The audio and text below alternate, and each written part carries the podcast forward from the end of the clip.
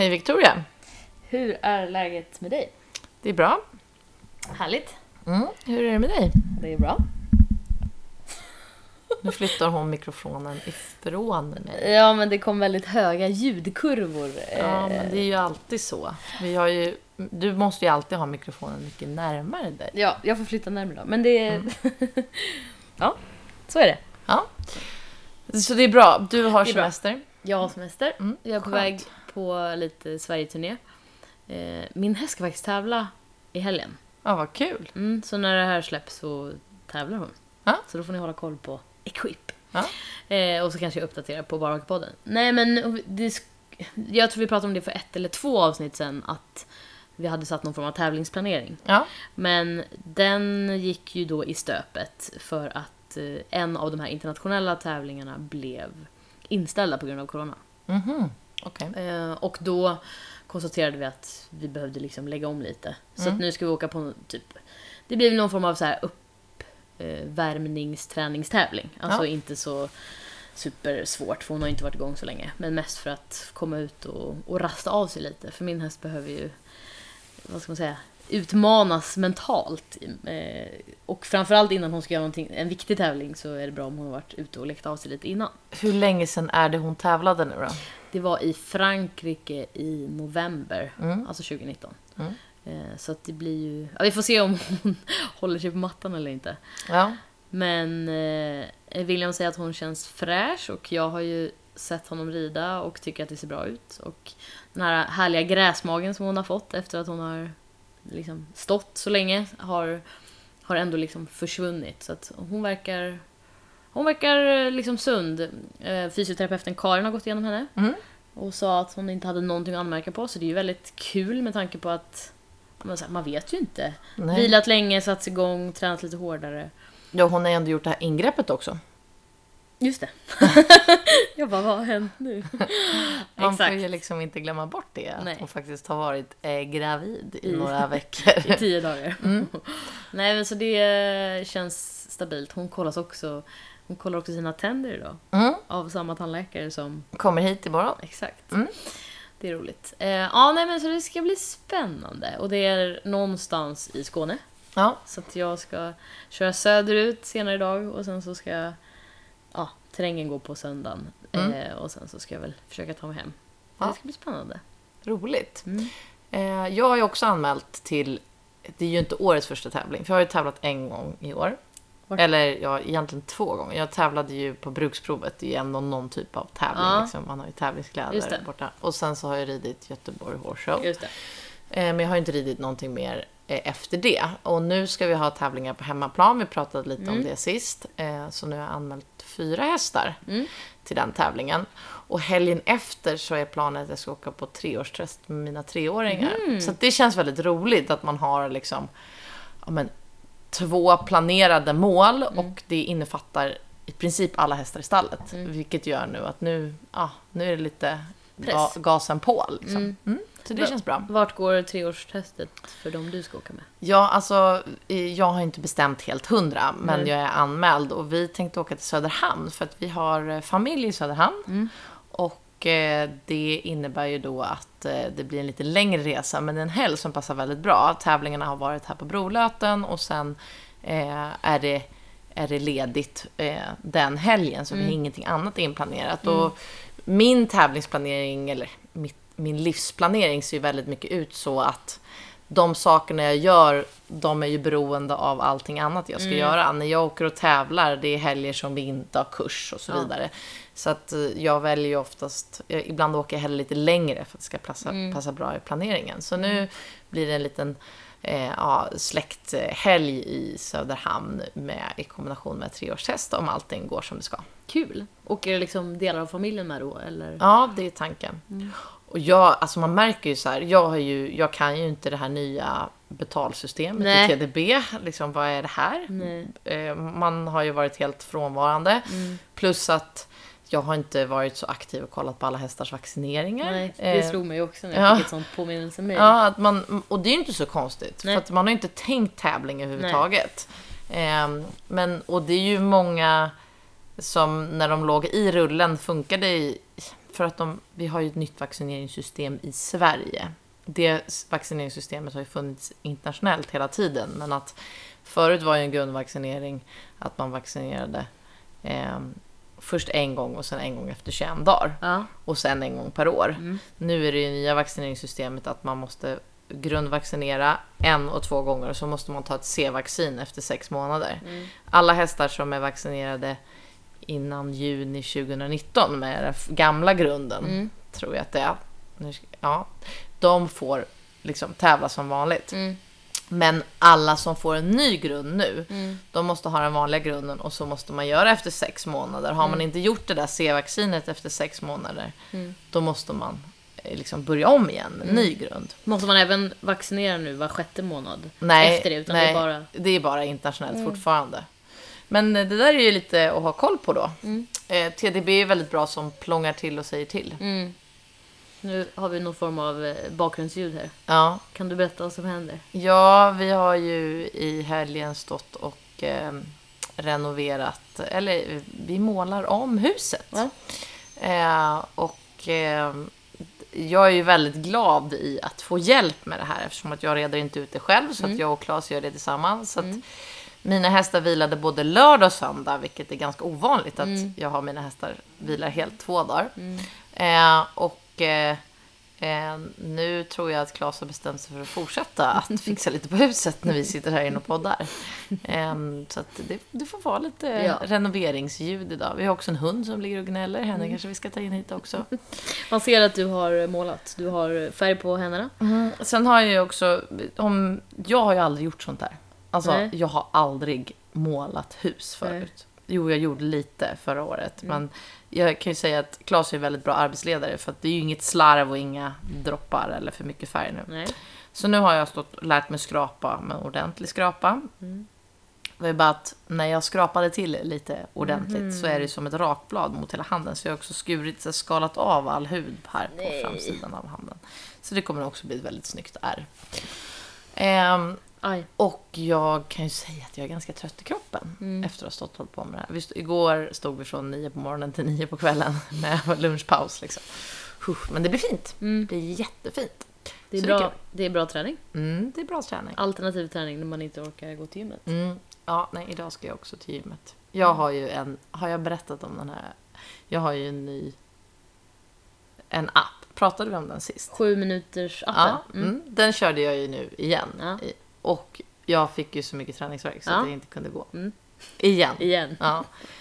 Så att eh, jag är fortfarande inne på det här att jag måste göra den varje dag. Men Annars Ja, vi får se. jag ska köra den idag. Mm. Och lite löpning. Jag har faktiskt varit utsprungit idag också. Jag har ju konstaterat att eh, Lidingöloppet närmar sig med stormsteg. Ja, gud. Så att eh, man får inte ligga på latsidan för länge för Nej. att då blir det jobbigt. Men det gick ganska bra att springa idag. Mm, Och så kul. lagom till jag eh, kom tillbaka så började det regna. Så då passade jag på att hoppa i plurret. Ah, härligt. Mm. Men eh, det var ju länge sedan jag eh, gjorde armhävningar konstaterade jag för några dagar sedan när jag faktiskt gjorde det. För att då insåg jag hur klen jag hade blivit i liksom armhävningsmomentet. Mm. Men jag har sett att dina armhävningar går bra. Ja, de är faktiskt bättre. Ja. Jag har fått nya träningskläder också. Det är ju Aha. alltid jäkligt roligt. Då tränar man bättre, det är Ja. sant. Mm.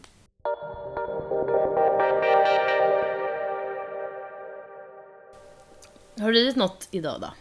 Ja, ehm, nu har ju som sagt hästarna vilade ju i två dagar för att jag har hållit på att renovera. Så idag har jag ju ridit eh, järnet, nästan alla hästar. Vi har några hästar som ska vaccineras idag, apropå eh, ha koll på vaccineringarna. Ehm, så de behövde ridas innan och sen så har vi eh, några hästar som ska till tandläkaren imorgon. Så jag, det har varit mycket så här, styra upp kring eh, vilka hästar som ska till tandläkaren, vilka som ska vaccineras. Och sen har vi en hovslagare som kommer på onsdag. Så att jag har, det har varit mycket roddande nu i de här dagarna. Eh, och eh, vi har ju ridläger. Så idag när jag red så eh, satt alla, det gör de ju nästan alltid, eh, men idag satt alla ridlägerelever och tittade när jag red alla hästarna. Så då blir det både, jag får liksom, det är bra träning att rida för publik. Mm. Eh, Du så känner ändå press när du rider för... Alltså det här är väl yngre eh, tjejer och Ja, killar som är på... Precis, och de, det är klart att de inte är lika duktiga som jag är. Annars skulle de ju kanske inte vara här. Men eh, det är väl så. Jag tycker att det är ganska skönt att få vara ensam ibland. Det är väl mer det. Och här är man ju inte ensam så Nej. mycket. Jag, jag är ju nästan aldrig själv i ridhuset. Jag har ju mamma som sitter och tittar eller så hjälper Claes mig. Eller som sagt när det är verksamhet då har ju ofta publik. Och Mm. det kan väl vara skönt ibland att man bara får... Jag, har ju, jag blir ju lätt stressad när det är mycket moment runt omkring. Mm. Och det tror jag kommer ifrån mycket att det alltid är folk Som där. Mm. Jag tror ju att eh, liksom, skapar man i sin egna verkstad ensam så gör det inte så mycket om det kommer någon ibland. Men Nej. jag kommer ju liksom från andra sidan. Jag har ju nästan alltid haft folk där. Och Mm. Störande moment tycker jag att det är. Och jag, jag har jättesvårt att fokusera. Idag var det... Alltså det är ju ingens fel. Nej. Men jag, jag blir irriterad för att jag tappar fokus. Mm. Liksom. Eh, och idag så tog de in eh, hästar bredvid ridhuset och dörren var öppen och så hästarna började titta och det gör ingenting. Men så pratar folk då när de leder förbi hela vägen. Så här, jag tycker att det är jättesvårt. Och, och man tränar ju på tävlingsmomentet för sånt där händer ju alltid på tävling. Det är ju bara att det är så få timmar per dag som jag får träna och jag vill ju jag vill ju vara fokuserad, för jag vet ju att det är så viktigt att jag är fokuserad. Och ja, Jag kan lätt liksom, vad heter det, gå igång på att eh, det är störande moment. Och jag blir aldrig irriterad på, alltså det ska ju få hända hur mycket som helst runt omkring. Men det jag blir irriterad på är att jag inte klarar av att hålla fokus. Och det är klart att när man har en så stor verksamhet med så här 20 elever och sen så fyra i stallet som har hand om hästarna och två i köket. De och... ringer ju hela tiden. Ja, men det är ju spam konstant. Alltså, min, min vardag är ju mycket, mycket mer spam än de flesta andra hästutbildare eller tävlingsryttares vardag, tror jag. Alltså, där kanske kommer hästar på kunder eller hästägare. Men, Men det är ju också för att du vill vara en del i allting. ja, Alltså, ja. så det, och det är ju Ja. på gott och ont för att det betyder Ja, ju för också att det är mer eller mindre hästverksamheten är ju min verksamhet liksom Mm. och jag har koll på allting. Men det blir ju... Jag märker ju att jag, om jag sitter och rider och så, så försöker jag fokusera på att få en av mina hästar lösgjorda och Mm. så ser jag ögonvrån att någon inte har stängt en grind. Mm. Ja, då fungerar inte elen och så kommer hästarna komma lösa. Ja, då bryter jag ju av och skickar ett sms att de måste stänga grinden för att jag inte vill att hästarna ska komma lösa. Och så rider jag vidare och sen så eh, ser jag att någon häst står och hänger vid vattnet. Och då tänker jag, ja då har de inte fått vatten. Och sen så måste jag... Och det, sådana moment, det är, jag tycker att det är jättejobbigt. Det här är en av de sakerna som jag jobbar jättemycket med Kaxton. Ja. Ehm, och jag tänker, jag har ju kollegor liksom som jag beundrar väldigt mycket som klarar av att hålla fokuset bättre när de tränar. Men jag tror ju att som sagt man måste också förstå min situation. Att det är, jag utsätts kanske för lite mer spam än många andra. ja, men det gör det verkligen. Ja. Jag tänker på, eh, jag bara, förr i tiden. Nej men jag har ju varit här sedan jag var 10 och på den tiden fanns ju inte eh, mobiltelefoner. Nej. Eh, och då hade vi ju telefoner i de olika husen. Det var ju en hos mamma och pappa, Ja. en nere i liksom där vi bodde Ja. och sen så en i stallet och så var det väl en i ridhuset. Ja. Och så lyfte man på luren och tryckte på typ 13 Ja. och då kom man till stallet. ja, men då fick man ju också hoppa av och svara när man satt i ridhuset. För Ja. vi hade ju telefoner i ridhuset liksom. Ja. Så det var ju samma spam då. Men ja, jo men det är klart. Men jag tänker att så här, det måste ju ändå ha blivit värre i och med att alla har sina telefoner på sig hela tiden. Ja, och sen det är ju inte hela världen. Jag ska ju... Det här är ju upp till mig. Alltså det är väldigt viktigt att inte det här ska låta som att jag klagar. Utan det här är upp till mig, någonting jag måste jobba med. Jag ska vara delaktig som ledare alla bitar. Men när jag rider, då ska jag fokusera på mig och hästarna. Ingenting annat. Och då får telefonen ligga och ringa eller någonting annat händer. Och sen är det ju så här, våra kunder och den verksamheten går ju före allting annat. Så då får jag ju hoppa av eller gå och göra någonting annat. Men då får jag ju hitta fokusen igen om det är något som händer. Men, men eh, Men du rider väl inte med telefonen? Den brukar ju ligga i, i ja, typ jag gjorde jackan ju det förut. Jag hade ju sån här flippbält Just när jag red och sådär. Nu har jag har ju den aldrig på mig längre när jag rider utan nu ligger den på sargen. Mm. Ehm, men det är ju olika dagar som man är olika påverkbar och så är väl alla människor. Liksom. Det är väl bara att eh, jag har ju eh, skapat den här miljön och då är det ju upp till mig att se till att jag kontrollerar den. Och nu pratar vi inte om att det är något problem Nej. utan det är mer att jag märker liksom att eh, jag ibland har svårt att fokusera. Jag hade tre jättebra träningspass idag, så det är inte det. Nej. Men jag kämpade med mitt eh, Tåla- fokus tålamod, idag. fokus. Ja, det var ingen som, liksom så här, hundarna rör sig alltid och idag Mm. gick Diddy fram och tillbaka till alla elever som satt vid läktaren. Och det var liksom ingen häst som blev störd av det, men jag hade svårt att fokusera Mm. ändå. Och då märker jag ju att det går ut över, över min prestation. Exakt. Ja. Vilken häst gick bäst idag då? Ehm, ja, men det var nog Tesla. Eh, för att jag var he- nästan helt ensam. Jag hade publik. Men jag red själv och jag tyckte att jag gjorde ett väldigt bra lösgörande pass. Och sen eh, red jag Robban för Klas och eh, han tyckte att jag skulle ha ett annat upplägg på mitt lösgörande arbete. Så då var jag lite frustrerad för att jag det var utanför min comfort zone. Men han blev jättefin. Så att jag, ska ju vara, jag ska nog vara mest nöjd med det. Med Robban? Mm.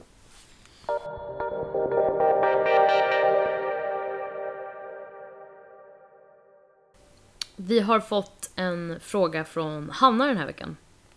Och hon är 19 år Mm. och har precis tagit studenten. Och har jobbat, eh, ja, som jag förstår det, vid sidan om liksom, vid skolarbetet och eh, mycket. Hon har varit, ja, haft, eh, varit ledig. I stallet hemma och på ridskolan och ja, men så här. Som ju hästmänniskor är bra på att göra. Ta Ja, hon verkar ju ha, ha jobbat mycket i stall. Precis. Ehm, och nu så vill hon se sig utanför Sveriges gränser. Och tänker att alltså, det hon vill är att få erfarenhet och eh, lära sig mycket saker. Mm. Och eftersom att hon har varit då på samma ställe här där, hemma i Sverige ett tag så, så tänker hon att nästa steg är utomlands. Mm. Och då frågar hon om lite tips om vart man kan vända mig och hur man kan hitta ett bra ställe. Och tänker att eh, vi kanske har koll på det. Ja, eh, det är ju en jättebra idé, tycker jag. Eh, att söka sig utomlands. Jag har ju jobbat utomlands och många av mina duktiga kollegor har ju gjort några hundår utomlands. Eh, och jag vet ju att, vi har ju pratat lite om det här innan, men jag vet att flera av de bästa ryttarna som kanske till och med fortfarande är utlandsbaserade, de eh, ser ju det här som sin utbildning. Eh, Och den utbildningen kan man absolut göra i ett stall i Sverige också. Men eh, har man drivet och är nyfiken och vill åka utomlands så tycker jag att det är en jättebra idé. Jag har ju flera eh, som har jobbat hos mig som först har gjort kanske eh, ett år hos en duktig, alltså till exempel mig, eh, en, en ryttare i Sverige och sen så får man bra referenser och genom den ryttaren sen så kan man söka sig utomlands. Det kan ju vara ett väldigt bra alternativ om man inte har bra kontakter själv. För jag har ju svårt att vara referens till någon som kanske inte har jobbat här. Nej. Så det är väl ett tips att man i alla fall går eh, om man inte har jättebra kontakter då kanske man ska gå ta en period hos någon. Eh, Och är det dressyr så kanske man ska ta då eh, ett par månader eller ett halvår hos en duktig svensk dressyrryttare och så, så kanske vara tydlig med sitt mål att man sen vill utomlands. För då kanske det är lättare att hamna hos någon som är riktigt bra. Eh, För vi, eh, vi duktiga dressyrryttare i Sverige, vi har väl mycket kontakter utomlands men mest med de stora ställena där vi har, när vi har träffat folk och lärt känna folk på eh, träningar eller tävlingar. Och framförallt så har ni ju väldigt mycket kontakt med varandra också. Alltså, Ja. Eftersom att du är tjenis med dem i din, vad ska man säga, på din nivå i Sverige. Ja. Så är det ju väldigt bra kontaktnät här också. Ja, eh, men ja, det brukar ju vara väldigt lätt att vara referens om någon har varit i, i ens egna stall. Liksom. Så att, eh, vi har ju bland annat Ofelia som är eh, duktig lyssnare på podden. Eh, hon var ju här väldigt länge, nästan två år. Eh, och sen så hjälpte jag henne eh, som referens och så fick hon ju jobb hos eh, Mattias Alexander Rath. S- Alltså Tottilas sista ryttare. Som eh, eh, också är känd för att han rider väldigt mycket fina hingstar Exakt. i Tyskland. Ehm, och det finns ju många stall i både Tyskland och Holland som är bra och man behöver inte hamna hos en, en jättekänd ryttare. Men eh, det är väl så att eh, chansen är väl större att man får bra förutsättningar och roliga uppgifter om man hamnar på kanske en lite bättre anläggning. Mm. Eh, För det är samma sak åt det hållet. Har man med sig bra referenser så är det ju... Jag har ju lättare att vara referens till någon av mina kollegor som jag vet hur stället ser ut och Mm. hur, hur upplägget är. Och det finns ju väldigt många bra och framgångsrika stall ja, söder om Sverige. Alltså, man, man tänker ju att eller, alla tävlingar utgår ju någonstans inte här uppifrån. Utan Nej. ju längre ner man kommer desto, desto fler stora anläggningar hittar man ju. Ja. Och det finns ju många fler professionella i Tyskland och Holland än vad det är i Sverige. Precis. Det är många mer som har sporten som ett heltidsjobb. Mm. Eh, och jag tror inte man ska vara främmande för att gå över gränsen. Att man kan tänka sig, även om man gillar dressyr mest, att får man chansen att vara hästskötare i ett hoppstall. Ja. om man nu inte ska rida utan så är det ju så mycket det skulle jag tycka var spännande. Ja. Jag tänker på alla saker som jag lärt mig genom Klas nu. Alltså eh, att få se hur de gör ordning en häst i tävling eller vad, hur de packar när de ska iväg på en stor internationell tävling Verkligen. och så.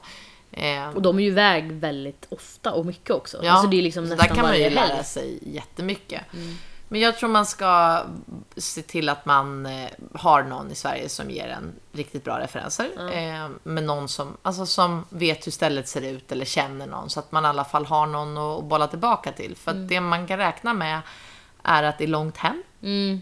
Så att eh, första två veckorna eller månaden så kanske man går på rent bara att man vill göra ett bra jobb. Mm. Eh, och sen börjar det bli jobbigt. Det, är, det är tungt att jobba med hästar. Ja, det är det. Eh, det är ännu tyngre, tyngre att jobba med hästar när det är eh, eh, flyg och, och eller två dagars bilresa hem. Mm. Så att man ska vara beredd på att, att det kommer ta ett tag innan man kommer in i det. Mm. Och jag tror också att många utländska stall är väl eh, man får jobba sig upp lite. Mm. Man får bekänna färg lite. Man får börja och visa vad man går för. Mm. Eh, att man har ordning på grejerna när Mm. man mockar och när man sopar och när man leder ut hästarna. Och gör man ett bra jobb så får man mer och mer ansvarsuppgifter. Det är min erfarenhet. Mm. Eh, så att man ska vara beredd på att man kommer få göra kanske lite tråkigare saker än vad man är van att göra. Och sen att man måste visa att man klarar de sakerna innan man eh, får göra svårare saker. Eh, och sen är det, de flesta brukar ju vilja rida när man ska jobba eh, med hästar. Eh, och det ska man nog vara väldigt tydlig med när man söker en sån här tjänst då att man i alla fall på sikt vill rida en del. Eh, för det finns ju många sådana ställen där man inte får möjlighet att rida och vill man det då, då tycker man nog att det är tråkigt efter ett tag om Ja, man inte får precis. möjlighet till det. Ehm, som här så är det ju jag som är ryttare på mina hästar så det är ju ingen som rider Nej. mina tävlingshästar. Nej. Utan här har vi ju förmånen att ha jättemånga eh, kurshästar Mm. som eh, mina hästskötare eller elever får rida på. Mm. Ehm, och sen är det nog bra att ha som, liksom att se det som ett äventyr när man åker iväg så här. Eh, kanske lära sig språket. Mm. Det är ju en jättebra För grej. det är ju, åker man och jobbar i ett stall i Sverige då har man ju släkten nära och man kan åka hem och hälsa på och sådär. Det blir ju annorlunda när man kommer bort. Eh, och om man ska komma in i gruppen och i teamet i stallet så är det oftast, tyskarna är ju inte lika bra på att prata engelska som holländarna är. Eh, och därför blir ju det mycket lättare om man kan, kanske åker man till Tyskland, att man eh, tränar upp sin tyska lite. Mm. Och det har man ju glädje av resten av livet. Så att när man inte jobbar så är det väl bra att man har en annan aktivitet som Mm. man kan göra. Eh, och eh, jag tycker ju att det är, om, om jag tittar på de som jag känner som har jobbat utomlands och jag tittar på hur det har varit själv när jag har jobbat utomlands eller när Krille jobbade utomlands så tror jag att det är väldigt viktigt att man känner att man hittar ett bra team. Mm. Och jag tror att det är avgörande. Alltså, en person trivs jättebra på ett ställe Mm. Och en annan person trivdes inte alls där. Men när den flyttar till en annan anläggning så trivs den jättebra för att den kommer ihop sig med gruppen. Och det är ju personkemi. Ja, det är jätteindividuellt. Och så är det ju på andra arbetsplatser Verkligen. också. Eh, men det ska man väl känna. Jag, jag tycker man ska åka och prova på. Det sa jag inte. Det är ett jättebra tips att man åker och testar en vecka eller några dagar så man ser vad arbetsuppgifterna går ut på, vart man får bo och hur det känns. Det är och också ett- en trygghet för en själv då som ger sig ut i världen. Att Ja. man inte åker dit på obestämd tid utan att man ju får testa för att se om så här, funkar det här för mig? Och gör det inte det då kanske man ska tacka nej efter den veckan liksom. Ja, exakt. Och, och det tycker jag är, alltså när det gäller hästjobb så tycker jag definitivt att det är väldigt bra att göra en sån Ja. test att prova på. Ehm, Så det tycker jag man ska göra och då tycker jag man också ska känna av det här med, med teamet. Sen är det ju en utmaning i sig. Jag tycker ju att även om allting inte känns fantastiskt så allt sånt här som man gör utvecklas man ju otroligt mycket av själv. Så att Verkligen. eh, om, om man inte... När jag jobbade i Tyskland så hade jag ju inga... Det fanns inte så mycket umgänge. Nej. Och jag var ju dum nog och tog med mig tre hästar. Så att jag hade ju så mycket jobb utöver mitt jobb. Så att det fanns inte så mycket tid för något annat umgänge. Eh, men det var ju en utmaning för mig, den sociala biten. Ridningen och jobbet i sig var inget problem, utan den sociala biten tyckte jag var jobbigt, att jag var väldigt ensam. Men det kanske också var för att du tog hand om dina tre hästar efter arbetstid också. Ja, men, men någonstans är det så här, när det tar emot, eh, eller man längtar hem, eller det inte är som man har tänkt sig. Alla gånger man kör på då och fortsätter så lär man sig ju jättemycket om sig själv och man är väldigt stolt över att man har klarat ut det sen. Så jag tycker också att tar man väl eh, jag tänker på Claes nu när vi pratar om det här. Tar man sin lilla bil och packar in eh, sin madrass och sina väskor och, och, och flyttar till ett annat land så eh, tycker jag ju att eh, jag tror att det är jättemånga som har gjort det här som har haft haft det ganska kämpigt under en period i början. ja, det tror jag. Alltså, det är nästan uteslutande skulle jag säga. Ja, och därför så skulle det här är också någonting att skicka med. Mm. Att försök liksom kämpa igenom den jobbiga Mm. perioden för att det kommer bli lättare när man har lärt känna alla och fått rutin på det man gör och Mm. eh, fått en egen ny familj. Det är ju Mm. många som, eh, som Hanna här som hon var 19, Mm. att man liksom flyttar lite hemifrån och klipper navelsträngen lite. Att det är jävligt jobbigt men det är sjukt nyttigt. Ja, och det är ett jättebra sätt på att komma hemifrån Ja. och komma ut i världen och se andra saker och få nya typer av lärdomar och perspektiv som man ju inte alls liksom kan räkna med på hemmaplan. Nej, absolut. Men det är ju en jättebra fråga. Mm. Och jag skulle ju vilja motivera alla jag kan motivera att göra det här och våga ta det här steget. Mm. Och det, har det är vi, ju, det har vi pratat om det i tidigare avsnitt, att det, det är nyttigt för liksom, svenska ungdomar att se andra saker också. ja, men titta på dem som liksom rider i landslaget i Mm. spetsgruppen idag. De har ju alla gjort det här. Mm. Tinne har jobbat utomlands i Tyskland. Patrik har jobbat utomlands hos flera. Han har ju haft många hundår liksom och kämpat sig upp. Therese Nilshagen och eh, både Antonija och Juliette Ramel är i alla fall utlandsbaserade och, och har flyttat ifrån sin familj för att göra den här satsningen.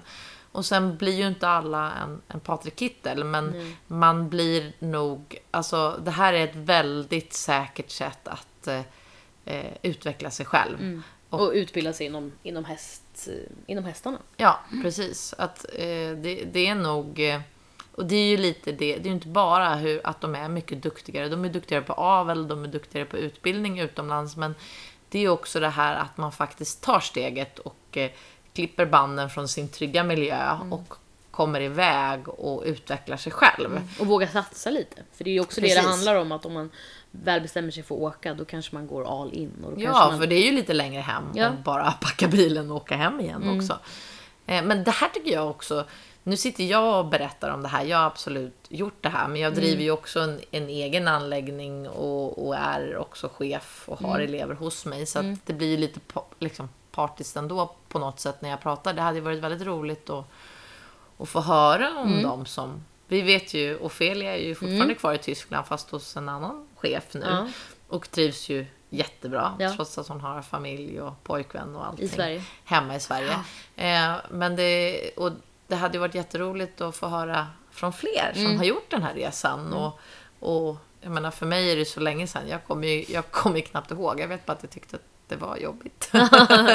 eh, framförallt liksom att jag hade det så bra hemma. Mm. Jag menar, ja, man får, jag kommer från en egen gård, egen anläggning, egen tränare, eh, egen verksamhet och så packar jag in tre hästar och åker ner och sen så får jag ingen hjälp och ska bara serva andra och sen eh, får jag sköta mina hästar när det inte finns någon energi kvar alls. Det var, var ju tufft. Ja. Jag hade inte heller handlat mat eller skött bilförsäkring. Jag krockade också i Tyskland. liksom hur Med fixar din du- bil, eller? Ja, hur fixar du bilen på service och hur fixar du försäkringspapper och allting. Sen är jag ju uppfostrad på ett sånt sätt att jag liksom får reda ut allt sånt Ja. själv. Men det är väl en jättebra utbildning. Det är det, alltså, man tvingas ju också till att göra det om man kommer en bit hemifrån. Ja. Man kan inte ringa mamma och pappa och så är de där på två sekunder. Det är ju verkligen som du säger, att klippa lite navelsträngen och det är ett bra sätt att flytta hemifrån Ja. och komma ut från liksom, Ja. att bo hemma. För jag tror att många idag bor hemma, alltså mycket längre än vad man gjorde förr i tiden. Ja. Och någonstans så ska man ju ta steget och det här är ju ett jättebra liksom, tillfälle att göra det. Om man väl vill, alltså har viljan. Ja, vill man, vill man jobba med hästar Mm. så måste man vara självständig. Man måste vara, liksom, man måste vara en worker. Mm. Eh, och eh, man eh, måste kunna reda ut den här typen av situationer. Mm. Liksom. Eh, och därför tror jag att det är ett väldigt säkert sätt att bli självständig Mm. och, och duktig så att man har en framtid i, i branschen eller i sporten. Mm. Och om inte annat så är det en jättebra ledarskapsutbildning. Ja, Alltså exakt. här- Man behöver ju vara en bra ledare för Ja. att jobba med hästar. Så att eh, gör man en sån här grej, då kommer man utvecklas. ja, Liksom. och få med sig det resten av livet. Mm. Och tycker man att det är för långt att åka utanför Sveriges gränser, då vill, man en, vill jag ändå uppmana alla att, att göra en sån här resa och Mm. åka till ett stall och, och lära sig. Att man ser det verkligen som en utbildning. Mm. I. Sverige också då menar du? Ja. Mm. Ja, absolut.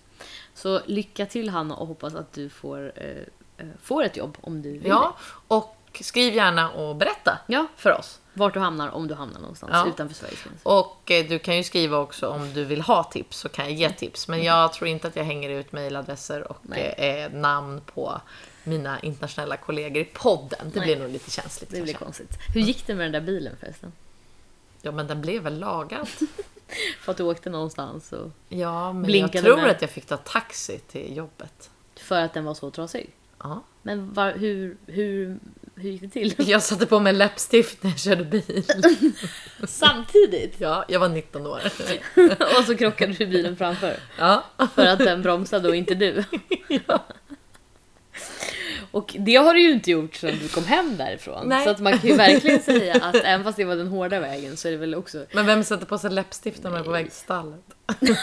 Nej, det, det har jag nog aldrig gjort.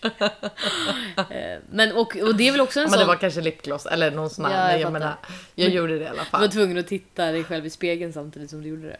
Ja, men typ. Eller jag tittade väl bara upp och så bromsade bilen framför. Åh, mardröm.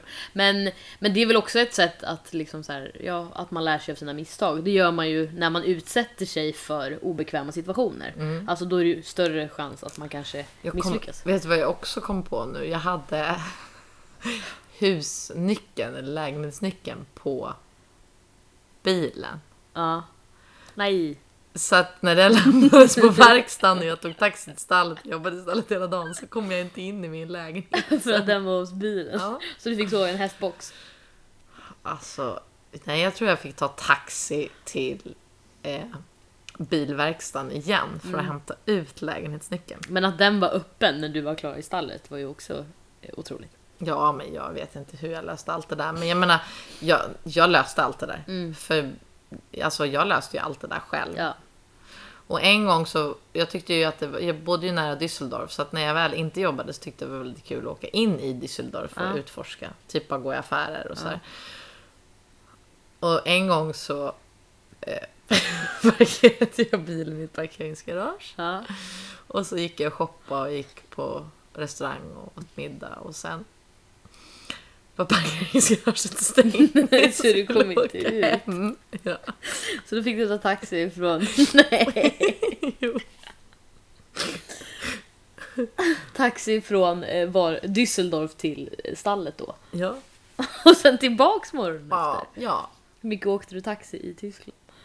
Ja, för att jag hade ingen chef som lånade ut min bil. Nej. Så pass. Eller körde dig på Nej, kvällarna? men det är ju dyra historier. Men man blir ju vuxen och Ja. självständig. Ja. Och därför är det väldigt lätt att man sen säger till någon så här, du har ni tänkt på att ni ska handla idag för Mm. affären stänger 10 7 eller planera det här. Alltså, jag har väl också varit med om roliga saker, Mm. Ja. eller tokiga saker för att lära mig att bli självständig. Mm. Problemet- Man är ju inte fulländad från Nej, början. men problemet är ju att alla 19-åringar, äh, yngre och äldre, måste göra alla misstag själva. Ja. Alltså så att det spelar ingen roll hur mycket man tjatar. Nej, men jag hade ju aldrig gjort de här sakerna överhuvudtaget innan. Liksom. Ehm, Vart var du någonstans? Utanför Düsseldorf. Ja men hos... Jag är en eh, tysk hästutbildare, inget Ja. känt namn. Liksom så. Mm. Men som du fick kontakt, eh, vi, kontakt med via e- dina kontakter? Vi, via Lian. Ja. Ah, okej. Mm. Ja, och det är ju någonting som du bär med dig eh, för resten av livet ändå. Ja. Och, sen, jag menar, jag jobbade ju inte hos Anki. För att när jag var hos Anki hade jag ju redan mitt jobb i Stockholm. Så att jag var ju tvungen att jobba. Eh, jag jobbade ju halvtid med datorn i Holland, liksom, i hästlastbilen. Ja. Så att när jag var hos Anki då tränade jag ju och sen så jobbade jag Ja. eh, och försökte eh, tjäna pengar så att jag kunde. Mm. betala min träning.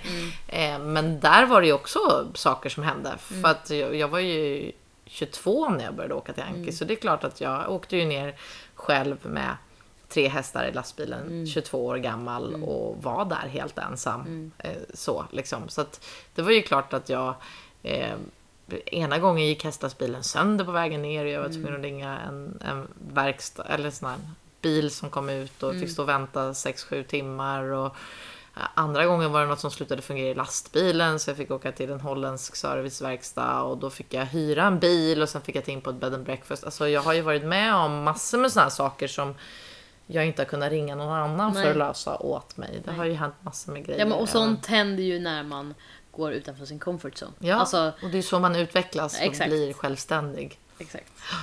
Mm. Två, eh, jag har inte jobbat utomlands, men jag anser mig ändå vara en självständig eh, hästtjej. Mm. Men du har ju åkt på så här backpacker-turné. Ja, det har ju hänt ett och annat då Ja, också när ja. ni inte haft någonstans att bo. Och...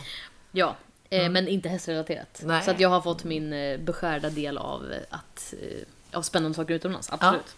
Och det är jag ju också väldigt glad för. Men kanske att jag, om jag inte var så, liksom, att jag ville sluta rida där efter min C-ponny som jag sålde, som vi pratade om i förra avsnittet. Alltså att Ja. jag ville liksom, om jag inte hade velat sluta rida då, eller liksom sluta med hästar, då hade Ja. jag ju förmodligen också åkt utomlands och Ja. jobbat med hästar. Så att det kan man ju ångra såklart. Men eh, eh, jag kommer nog inte göra det nu. Utan det är ju smartare att göra det när man är lite yngre. När man inte sitter fast här. Liksom. Ja, absolut. Så lycka till med jobbsökandet. Det var väl allt för idag tror jag. Ja. Eh, Du har en lektion ja, jag ska gå ner och ha sittsträning nu. och jag ska ta emot en veterinär som ska vaccinera hästar. Ja. Eh, glöm inte att skicka in era frågor till barbackapodden eller kommentera eller skriv DM till oss på Instagram. Eh, och skicka förslag på gäster också. Det vill Ja. vi ha. Mer förslag. Mer förslag. Så hörs vi om en vecka. Det gör vi. Ha det bra tills dess. Tack, tack. Hejdå!